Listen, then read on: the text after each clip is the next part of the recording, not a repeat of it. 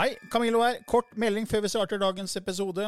Jeg er ute med en helt ny åndelig podkast som heter eh, Åndelige tanker med Camillo. Du finner mer informasjon om den hvis du går til camilloloken.no skråstrek gratis. camilloloken.no skråstrek gratis. Der er det også overraskelser til deg som er fast lytter av mine podkaster.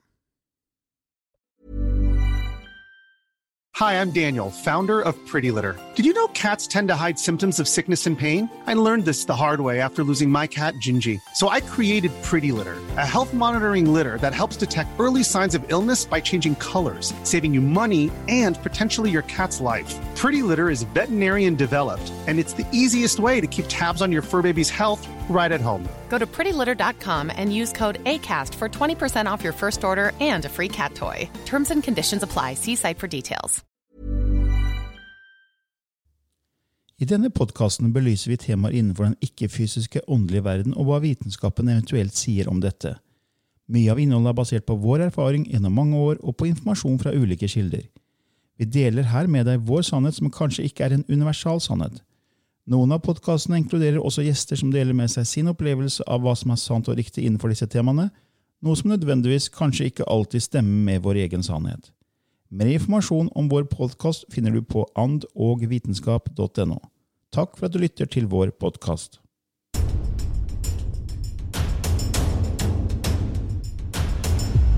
Hei og velkommen til en ny episode i Ånd og vitenskap med Lilly Bendris og Camillo Løken. Ja, Nok en eh, spørsmål og svar-episode, Lilly. Ja, ja, det strømmer på, vet du. Ja da, vi har jo faktisk en lang liste med spørsmål som ligger på vent. Mhm. Så jeg tar jo imot disse spørsmålene og så setter dem inn i en sånn first come, first serve, først til mølla-type system. Ja. Så nå har vi kommet til Tina, eh, som da spør eh, Jeg hørte nettopp en av episodene hvor dere begynte å nevne litt rundt søvn. Så da lurte jeg på hva tror dere skjer når noen går snakker i søvne? Jeg har alltid trodd på at sjelen reiser for å bearbeide dagen mens man sover, men hvem er det da som styrer kroppen og språket, og hvorfor har vi ingen hukommelse av dette? Har vært interessant å høre hva dere syns om det. ja, det er vel samme systemet som overtar når vi sover og drømmer og ikke husker drømmene våre. Eh, så, så det er en forskjell på drømmer. Det er jo de såkalte eh, vanlige drømmene, som hun sier. Man prosesserer eh, dagen og ting som ligger der og koker. Og så er det jo dette, disse eh, profetiske drømmene, da. Som jeg har hatt eh, noen av. Og det som er forskjellen mellom de vanlige drømmene og de profetiske, er at jeg husker alle detaljer. For vanlige drømmer de er gone i løpet av noen sekunder. Jeg våkner og så, og jeg vet jeg har drømt, men åh, hva var det? Men du går ikke i søvne?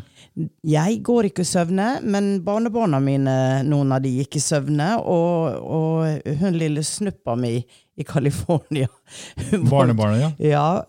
Hun var to år gammel, og hun prata altså med en grov stemme.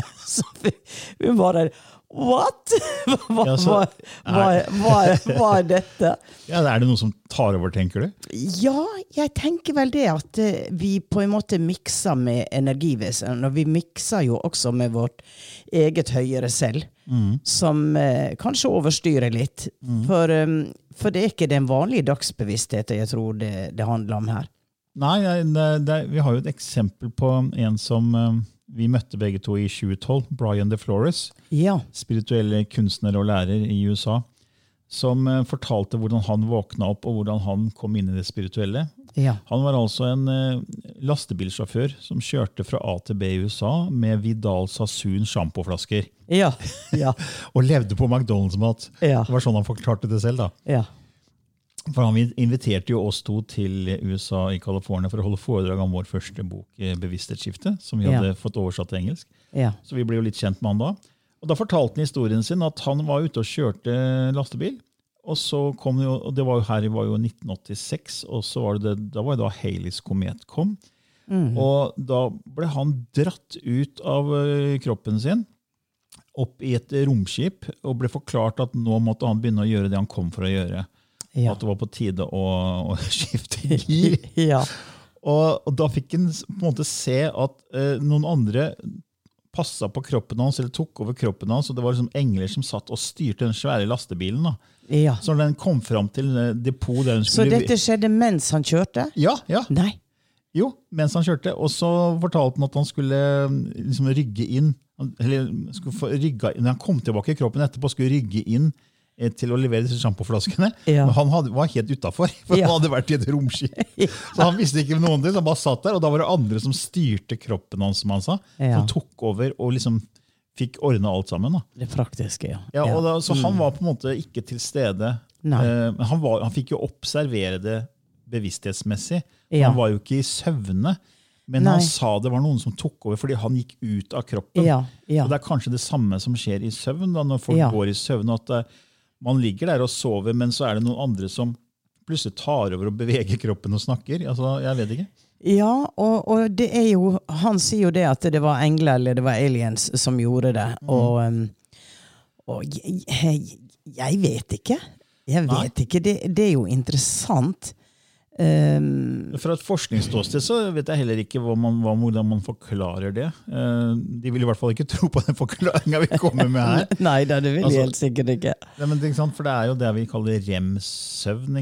Ja. Rapid eye moving. Så er Ja. man i, i drømme, drømmeverden, og så, så er man nede i lavere hjernebølger. Men hva skjer? Hvorfor er det da noen som opplever at de går i søvne? Hvordan kan det skje? Du nevnte jo noen som Ja, hadde det, altså, det var, jeg så på et program var det på NRK da, om, eh, om en som var ganske ekstrem i dette. Han satt på toget og snakka med folk, og, og han ble jo observert, da, for det var så ekstremt. Og han huska jo ingenting av det. Så alt det gjorde han i søvne. Ja. Tok toget. Ja. Helt utrolig. ja. Og, em, og jeg husker søskenbarnet mitt. Hun var veldig farlig da, for vi bodde, de bodde jo på Sørlandet, og det var sjø og hav. Og, så hun vandra ut gjennom døra. Ja. Og, og, men hun, hun gjorde aldri noe som var farlig for henne. Nei.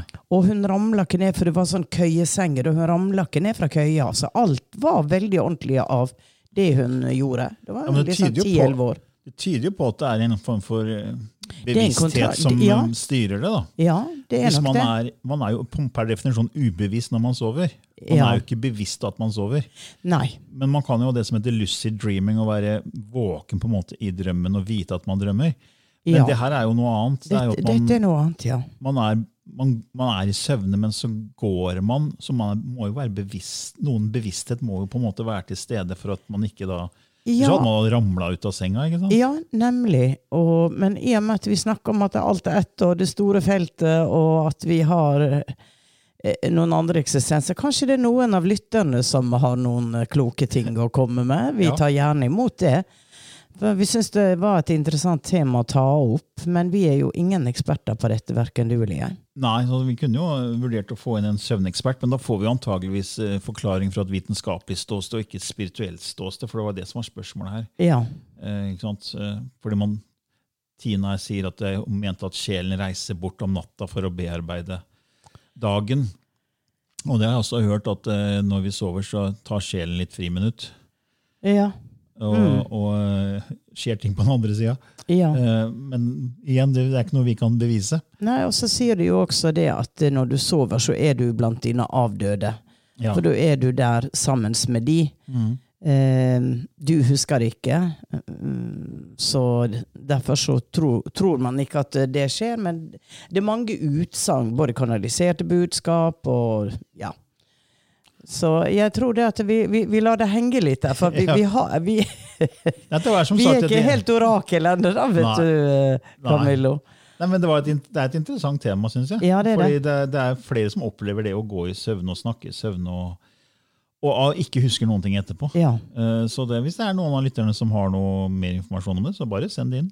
ja. Bare gå på annovitenskap.no og klikk på kontaktskjema der, så kommer det til meg. Yes, Jeg håper det var en grei drodling der rundt det temaet, Tina. Og så går vi videre vi til eh, Her har vi ja, det var, eh, her har vi et annet spørsmål eh, fra en Ja, det står hvilket navn. Eh, kan dere snakke litt om abort og tanker rundt dette fra et spirituelt ståsted? Mm. På hvilket tidspunkt entrer sjelen kroppen? Er det ved fødsel eller allerede i magen til mor? Vil mor i så fall få muligheten til å møte igjen den sjelen på et senere tidspunkt, enten i sitt neste barn eller etter sin død? Kan en sjel velge å ikke bli født, eller kan en mor bli straffet for, på noen måte for å velge bort et barn? Ja. Ja, altså Jeg har jo litt eh, erfaring i dette på et personlig plan. Så jeg tenkte jeg kan dele det. Ja. Um, jeg hadde en abort. Det var Jeg hadde tre barn. Um, jeg hadde spiral, og jeg ble gravid med spiral. Og var i en situasjon den gangen Det var jo da vi var blakk, hadde tre barn, kom fra Frankrike, og det var en sånn håpløs situasjon. Så jeg bare visste at jeg, jeg kan ikke få et barn til nå. Det, jeg må klare å ta meg av de jeg har. Og jeg tok henne bort, og um, hadde i grunnen ingen følelser rundt det. Um, og mange, mange, mange år etterpå, det var vel eh, i hvert fall 20, 20 år etterpå, så er jeg på et kurs på fjellet. Vi sitter i en ring og mediterer. Og mens jeg mediterer, så er det nesten som jeg forlater kroppen. Altså, jeg går inn i en tilstand hvor ei lita jente på fem-seks år plutselig står foran meg. Og alt dette føles veldig levende. Um, og hun står og ser på meg og tar hånda mi. Og jeg tenker, men hvem er det? Hvem, hvem, hvem er du? Og, og jeg er i en sånn tilstand hvor jeg er sånn halvveis ute, men samtidig vet jeg at jeg sitter på denne stolen. Og jeg åpner øynene for å se om hun står der. Nei, der er jo tomt foran meg og ser ut vinduet, og akkurat da går det et foreldrepar, og, og, for det er en sånn tursti utenfor der hvor vi hadde kurset. Så går det et foreldrepar, og uh, kvinna holder en liten baby på armen. Og plutselig så er det sånn Det er henne som er aborterte, som kommer. Hvorfor kommer hun nå? Og um, jeg, jeg begynner å ha en dialog, men jeg lukker øynene igjen, går inn, og så sier jeg Hvorfor kommer du nå? Og så sier hun jo, for du kjente meg ikke. Og jeg visste jo når hun sa det, at nei, jeg kjente henne ikke. Jeg, ingen, jeg, bare, jeg var i en så vanskelig livssituasjon at jeg, bare, jeg måtte bare kutte alle følelser. Så du, vil, jeg vil at du skal kjenne meg. Og um, det var ikke noe bebreidelse, det var ingenting. Og hun um, fulgte meg fra fjellet. Når jeg la meg på kvelden, så lå hun krølla inn bak ryggen min. Det var så sterkt, Camillo. Utrolig. Og hun var der vel i hvert fall en uke, og så feida det bort. Men hun, hun var present. Og jeg tenkte at, hvorfor kommer hun nå? Og så var jo da min svigerdatter gravid. Og så tenkte jeg kanskje hun kommer igjen at det er henne. Men så sa jeg til meg selv, men jeg vet jo at hun skal ha en gutt. Um, og det var jeg helt sikker på. Og det er en annen grunn til, som jeg ikke skal komme inn på her, at eh, eh, jeg hadde fått den, eh, den tanken. Um, så det feier jeg liksom bare bort. Og min datter var jo ganske nylig blitt gravid. da. Og um, så kommer den dagen hun skal føde barnet, og vi er i Spania en eksmann og jeg, og hører jo da at det har kommet ei lita jente, og um, ikke en gutt. Og vi tar flyet hjem til Norge, og, fra flyplassen og inn på sykehuset, og så ser jeg denne lille babyen, og så er det bare Der er hun. Det er ikke tvil. Og jeg får en kjærlighet til det barnet som er bare Jeg må jo bare skjule det. Jeg kan, jeg, altså, kan jeg få være barnevakt? Kan jeg få holde det som svigerdattera mi? Stakkar ble jo overøst av meg, men det var sånn hun er min, forstår du. Ja, ja. Og så var jeg så heldig da at um, mammaen måtte begynne å jobbe når uh, Isabel var seks måneder, seks-syv måneder.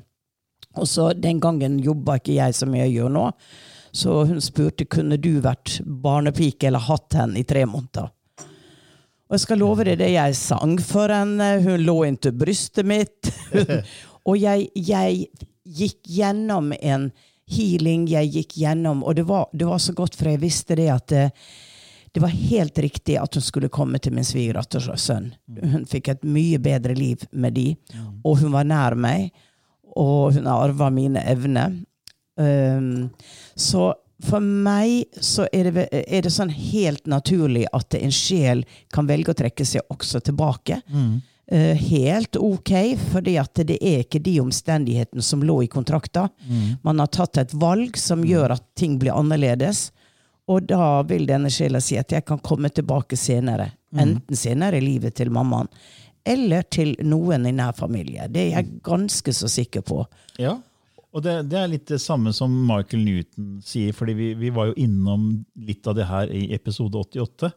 Eh, Og da refererte jeg også til Michael Newton, som, som vi har snakka om før. Han drev jo med regresjon Ja. og tok folk tilbake i tidligere liv. En sånn hypnoterapeut som holdt på med det her i 40 år. Ja. Han er jo død nå, men han dokumenterte jo alle sesjonene sine og skrev ned alt det de klientene sa, ikke sant? og Mm. Ja. fikk notert det ned.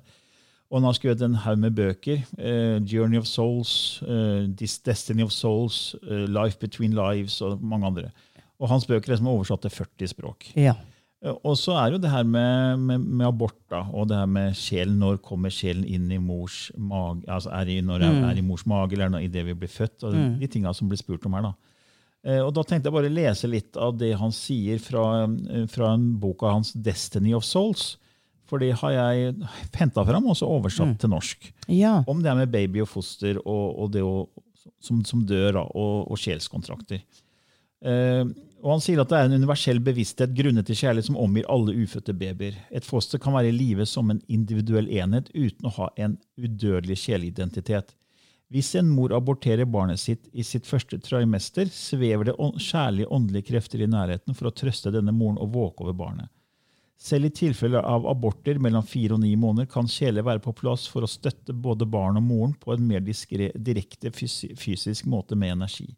Kjeler vet på forhånd sannsynligheten for at babyen går til termin. For eksempel, hvis en gravid kvinne mister barnet sitt fordi hun falt ned en trapp, f.eks. i den syvende måned, var det ikke helt forhåndsbestemt at hun ville falle. Det var også mulighet på den spesielle dagen hvor hun i siste øyeblikk kunne bestemme seg for å ikke gå ned trappen. Hvis en ung ugift jente blir gravid og bestemmer seg for å avbryte svangerskapet fordi barnet er uønsket, er sjansen stor for at dette var en betydelig sannsynlig valg. Da lå det på en måte i I sjelskontrakta. ja, Mm. Disse to tolkningene av årsakssammenheng er selvfølgelig hypotetiske. Likevel er forskjellige scenarioer av viktige hendelser i livet vårt kjent på forhånd. Alle har karmiske implikasjoner og formål for oss. Sjeler tildeles ikke tilfeldige babyer. Når en mor mister barnet sitt av en eller annen grunn, er oddsene ganske stor for at sjelen til denne babyen vil komme tilbake til samme mor med sitt neste barn. Hvis denne moren ikke føder et annet barn, kan sjelen komme tilbake til et annet nært familiemedlem, fordi det var den opprinnelige hensikten. Ja. Og Det er akkurat det som skjedde med deg. ikke sant? Ja. Det kom til et annet nært familiemedlem. Når livet er kort, kaller sjeler disse for oppfyllingsliv, og de har også formål for for foreldrene. Her er et eksempel. Som sjel var jeg med en fire måneders foster i tre måneder. I løpet av denne tiden trengte min mor å føle min sjelenergi for å vite at det å gi og miste et liv er veldig dyptliggende. Jeg ønsket ikke å la tristheten ved å miste meg hindre henne i å prøve igjen. Vi visste at dette fosteret ikke kom til å gå tiden ut til termin, men det var stor sannsynlighet for å få et annet barn etter meg, og jeg ønsket det partnerskapet med henne. Hun skjønner ikke at jeg en gang var sønnen hennes, og nå er jeg datteren hennes. ja. Jeg tror jeg var i stand til å dempe bitterheten og sorgen hennes ved å sende henne mine trøstende tanker i stillhet i alle nettene mellom hennes to svangerskap. Når babyer og små barn dør, stiger sjelen deres vanligvis ikke inn i åndeverden alene. Åndsveiledere, omsorgsarbeidere for unge eller et medlem av barnets sjelegruppe er ofte involvert i å møte disse sjelene. Hvis en foreldre blir drept på samme tid som det sitt lille barn, blir de sammen, som følgende fortelling viser. Etter at sønnen min og jeg ble drept av banditter i Sverige i 1842, trøstet jeg, trøstet jeg ham da vi reiste sammen fra jorden som kjeler. Fordi han var så ung, var han først desorientert og forvirret. Jeg holdt ham tett og fortalte ham hvor høyt jeg elsket ham, og at vi skulle hjem. Da vi reiste sammen, sa jeg at vi snart ville bli møtt av vennene våre og deretter skilles en stund før vi ble gjenforent igjen. Akkurat. Dette er utdrag fra boka hans. Utdrag fra boka til Ja. Destiny of Souls. ja, det, det er en, nydelig Ja, altså, bok. Han har så mange fine bøker. og, og det som, selv om ikke det kan vitenskapelig bevises, så er jo det mange altså han, han, har jo hatt tusenvis av klienter som har fortalt hva Ja. som har skjedd mellom liva, Ja. i detaljert beskrivelse. Ja. Og så kan du si ja, det var, det var pasienten eller klienten som fantaserte. Hvordan kan du, altså, for meg så henger det ikke på grep at så mange klienter har på en måte samme oppfattelse av liv, liv mellom liv og liv etter liv. ja.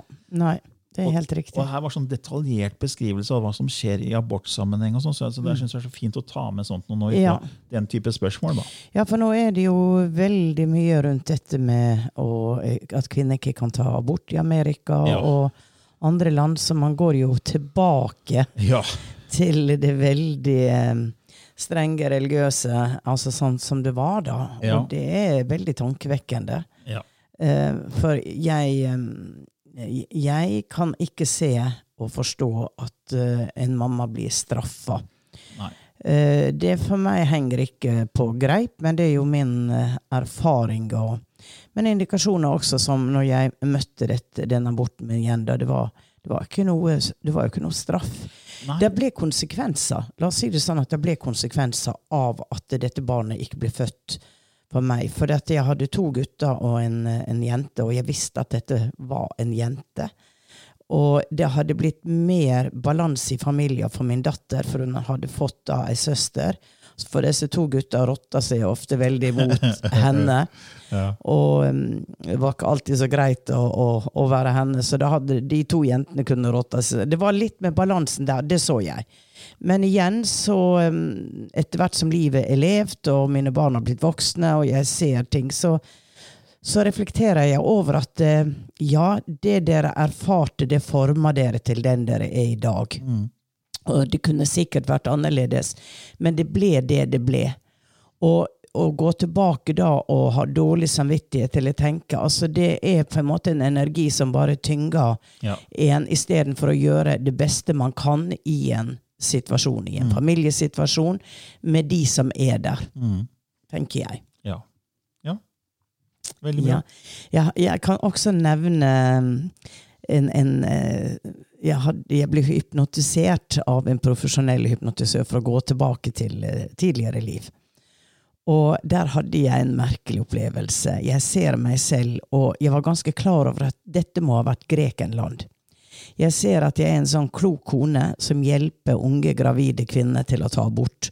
Og det er ganske så grusomt, for det er en sånn lang nål, ikke sant? Oh, og, og, og veldig, veldig primitivt. Dette er jo tilbake til kanskje 1600-tallet, 1700-tallet.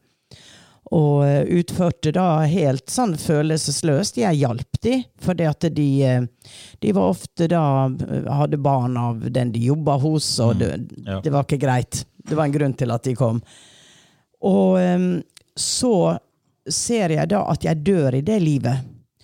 Og at når jeg dør, så blir jeg ført inn av uh, mine guider. Inn i en hule. Stor, stor grotte. Um, og inni den grotta så ligger der masse foster. Og jeg ser på disse fostera som ligger inne i denne mørke grotta, og så sier jeg at og de er fortapt. Jeg har sendt de hit. Jeg har tatt deres liv. Jeg har sendt de hit, og de er fortapt. Og, og, og gråter, og jeg ligger på benken og jeg gråter. Jeg opplever dette her så sterkt. Og så kommer der en bort til meg, og så rister hun på hodet. da.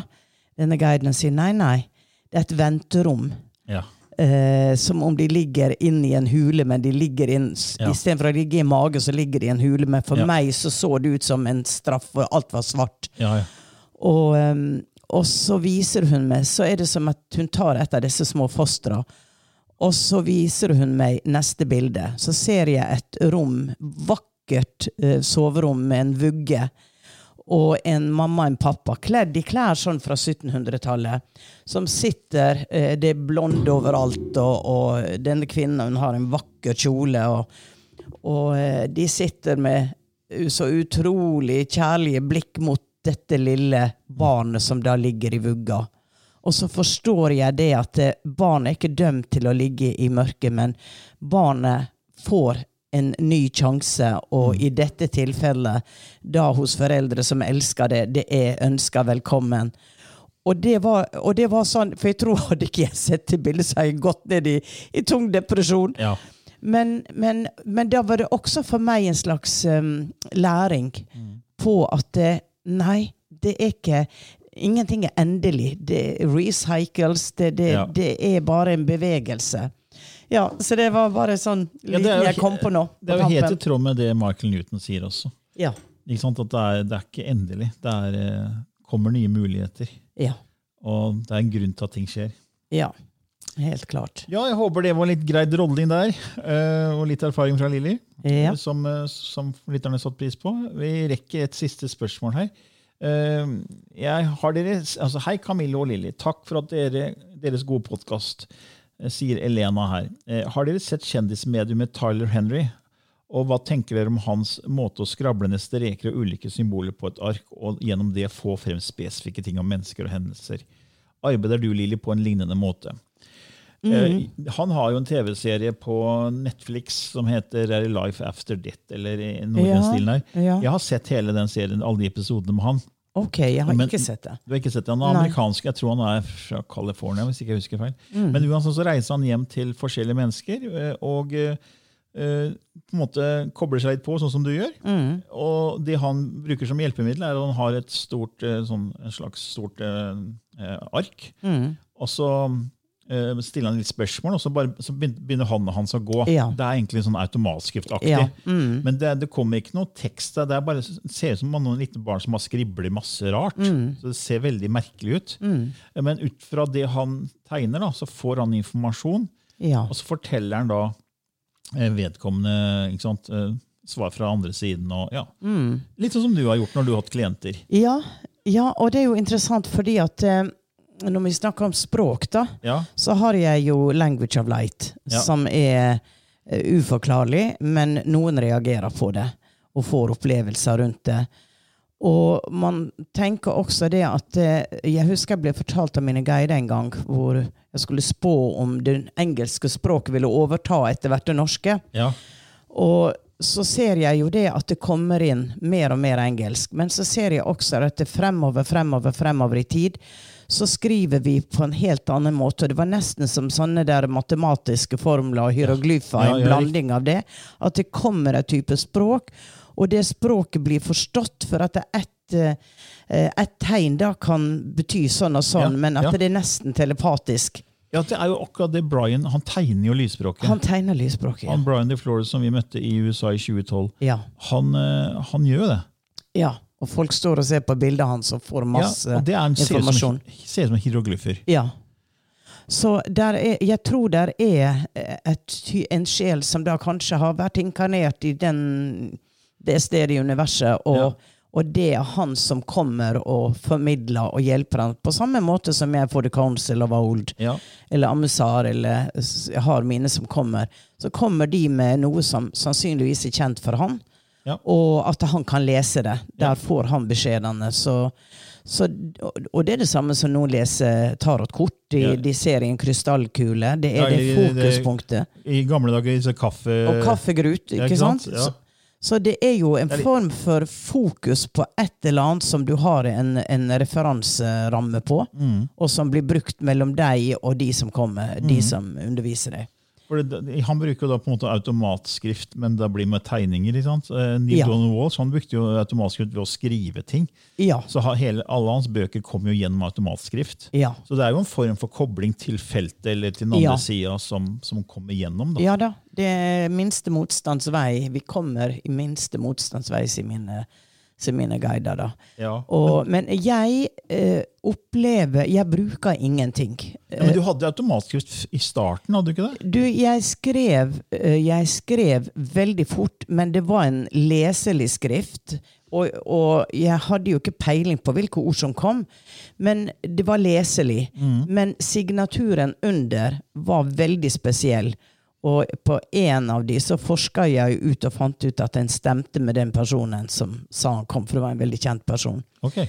eh, som var på biblioteket, og, og det, var jo, det var George Washington, Oh, ja. USAs første president. Så eh, håndskrifta stemte? Ja, det stemte. Så, så, så det er ikke så rart, for hvis man tar inn en entity, hvis man tar inn og henter ut en, eh, den eh, computernedlastninga, ikke sant, så vil man også kunne klare å skrive som de skriver, for at den personen eh, går mer inn i en selv. Som i enkelte tilfeller på Åndenes makt, så har jeg blitt den personen som Ja. jeg ser. ikke sant? Den kommer inn i meg, og jeg begynner å bevege meg. Og, og Det blir sånn fysisk det er fysisk mediumskap, ja. Ja. Og, så, så den er grei. Men jeg åpna jo på en spesiell måte. Jeg gikk jo i transe, og så var det pang, og så åpna alt seg.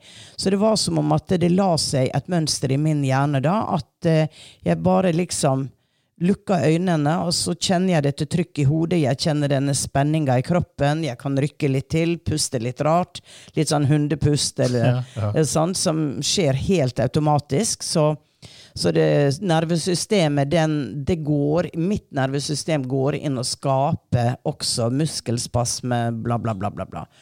Og så kommer da ord, setninger eller indre bilde. Eh, og når jeg kanaliserer, så kommer Det vet jo du, det, det er jo bare å lese boka. Ja, ja. boka vår. Har jo hatt noen runder med guidene dine. ja, guri meg. Jeg sitter jo og ser på hva som er skrevet. tenker i all verden, så klokt. Det er ikke meg, i hvert fall. Nei, Men det, må- kommer, det kommer mye informasjon når du er i transe som jeg, jeg blir helt overraska at uh, altså, det her er ikke Lilly T.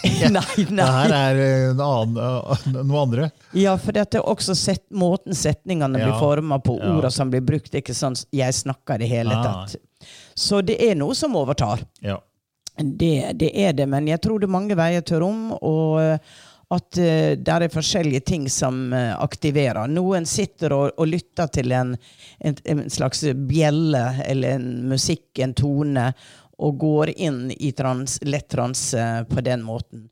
Men jeg lærte aldri verken Jeg kan ikke astrologi. Ikke, alt som jeg måtte sette meg ned og pugge og lære, så jeg bare glem det, for min venstre hjernehalvdel den er veldig dårlig fu fungerende. Det må komme gratis. Det må bare komme rett ned. Så, så jeg har ikke lært noe. Nei, nei, men det fungerer jo fint. Ja, det, ja, det, det fungerer. Det fungerer. Og denne Tyler Henry, da, hvis du som lytter ikke har hørt heller om Tyler Henry, så kan du bare gå inn på Netflix og søke opp navnet hans. Tyler Henry. Tyler Henry. Jeg tror jeg har sett han Jeg tror han ble veldig berømt fordi at han var, han var hjemme hos Kardashian. Ja, det er godt mulig. Han tror han, han reiser rundt til en del eh, Ja. kjente folk. Og da ble han eh, Da oppdaga Ja, TV-en. så, så fikk han en egen Netflix-serie. Ja. Så men det var interessant å se, følge han til forskjellige mennesker og se hvordan han jobba. Mm. Ja, ja, han er en ganske ung fyr, så han er vel i 20-åra, tror jeg. Ja. Så interessant. ja. Men jeg håper det var greit. eh, Ålreit litt uh, synsing fra vår side der, Elena. Så da rekker vi jo egentlig ikke så mye mer i denne episoden her, Lilly. Nei, vi kan jo bare legge til Edde til Edgar Casey. Edgar Casey, ja. For det var også et eh, Jeg vet ikke om noen andre som jobba sånn som han, for han Nei. sovna. ja. Men jeg tenker at han sovna jo ikke, han gikk jo i transe. Han gikk jo i en dyp transe. Sovende profeten, som han ble kalt. Og husker jo ingenting Nei. av det som ble sagt, men det var jo fantastiske ting som Ja, kom helt. gjennom han. Helt fantastisk. Han lå på sofaen der og bare kom med profetier og ting. Altså, han var en som spådde at det kom til å bli brukt, blodprøver kommer til å bli brukt som diagnoseverktøy innen medisin. Ja. Og folk bare rista på hodet. Det var bare tull. Ja. Og hva, hva gjør vi i dag? ikke sant? Ja. Altså. Han så jo disse tingene som, altså, så mye som har slått til, som han, kom, som han spådde ja. når han, når han lå på den sofaen da, og kom. ja, og da tenker jeg det at alt skjer nå. Så han reiste jo i fremtida. Ja. Og, i, og gikk ganske langt ut og kobla seg eh, sterkt på. plukka opp noe som for oss er fremtiden. Da. Ja. ja. Så, men, så det, De som ikke har hørt om Edgar Casey, burde sjekke det ut, for det er eh, utrolig spennende informasjon. Ja. Flotte bøker, og det er et svært arkiv på, på en av nettsiden som, som, som er laget i hans ånd, da, for han er jo død nå. ja. Men er veldig veldig spennende informasjon som han kom med. Jeg møtte barnebarnet hans i Las Vegas på ja. en sånn ufo-konferanse. Ja, Og jeg husker han hadde veldig spesielle øyne, men han hadde ikke arva noe av det. nei. Så jeg snakka litt med han og sa at nei, det var helt stengt for han. Ja.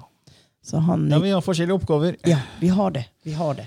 Ja, men da tenker jeg det at um, jeg skal forandre uh, min bevissthetstilstand litt, og, og ta imot det som kommer fra Language of Light. Ja. Lilly skal skifte litt gir, og så kommer lysspråket snart.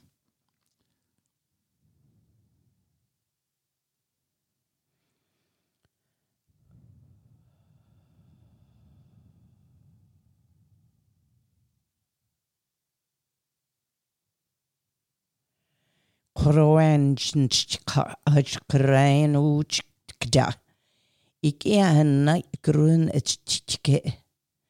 I en tu tu er in ananatat krana i ankte i. Og meg inn tuk it eistukte ei ner etke i. I ma anu uch ikt er ana ich ikt erana tatakcha. Opoka irktu. Oi. Det var veldig alien, da. Det var veldig merkelig. Vet du hva, eh, Camillo? Jeg, jeg tenkte på han uh, som, uh, som får disse tegna. Brian De Flores. Nei, Um, Tegna. nei, herregud. altså, nå er ikke hjernen min på plass. Nei, Han som vi satt og snakka om, som jobber med Kardashian som uh, Hva er Tyler Henry? Ja, Taylor Henry var det, ja. Jeg fokuserte på han og, og det han gjorde. Og så kom dette veldig rare eh, språket som var veldig eh, Altså, det var ikke noe flyt i det. Nei, så du, så brukte, du brukte hendene dine veldig mye. Ja, og var, du knytta neven en del. ja. Jeg For liksom, du har åpen hånd er liksom åpen, mens knytta litt mer hardt. liksom. Ja, så det var, var- liksom, ja. Du gjorde sånn knytta hele tiden. Ja, det, og jeg kjente fing fingrene mine støtte, så det var akkurat som det var et sånn stakkato. Ja, Og da var det som jeg så disse her eh, tegna som han skriver. ja. At hvis han skulle snakke det, så ville det hørt Ja. sånn ut. For det ser bare ut som masse kludder. Ja. det ser veldig veldig rart ut. Det er ingen som, Jeg skjønner ikke at det kan lese noen ting Nei, ut av det. nei. Men han sitter bare med en penn og lager Akkurat som et lite barn bare eh, leker seg med en penn. og ikke, Det er null sammenheng. Ja. Så det ser veldig merkelig ut. Ja. Så det er kanskje det som kom inn? eh, Ja, jeg, jeg følte det at det var veldig sånn ikke fra denne planeten i det hele tatt. Det Ja. var veldig alien. Og um, det er det han tar inn, sikkert. ja, det var i hvert fall en type intensjon jeg hadde da. At var Hva er det? Mm. Og så kom dette språket. Så igjen så er det alltid veldig interessant, for vi får jo mange e-mailer fra folk som får reaksjoner, eller som Ja, ja. sier at de forstår det som blir sagt. Og, ja, til og med en som satt og hørte på i, i bilen, og så fikk reaksjoner, og måtte kjøre til sida, for det, det her var altfor sterkt. ja. Ikke sant? Så det er, det er Ja, det, det treffer på et eller annet plan eh, innimellom. Det gjør det. Ja, Ja. men da skal, vi, eh, da skal vi eh, bare ønske våre lyttere en strålende dag, uansett hvor du er i verden. Og så høres vi av neste uke. fint. Ok, ha det bra. Hei. Hey, it's Danny Pellegrino from Everything Iconic. Ready to upgrade your style game without blowing your budget? Check out Quince. They've got all the good stuff shirts and polos, activewear, and fine leather goods, all at 50 to 80% less than other high end brands. And the best part? They're all about safe, ethical, and responsible manufacturing. Get that luxury vibe without the luxury price tag. Hit up quince.com slash upgrade for free shipping and 365 day returns on your next order. That's quince.com slash upgrade.